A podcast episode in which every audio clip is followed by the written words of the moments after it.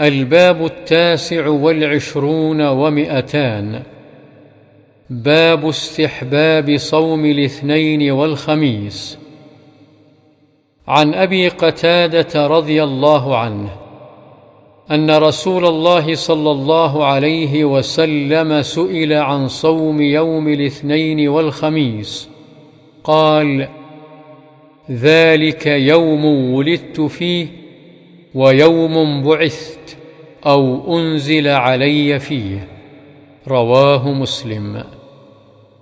وعن أبي هريرة رضي الله عنه عن رسول الله صلى الله عليه وسلم قال تعرض الأعمال يوم الاثنين فأحب أن يعرض عملي وأنا صائم.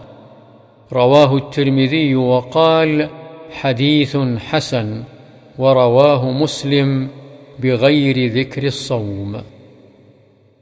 وعن عائشة رضي الله عنها قالت كان رسول الله صلى الله عليه وسلم يتحرى صوم الاثنين والخميس.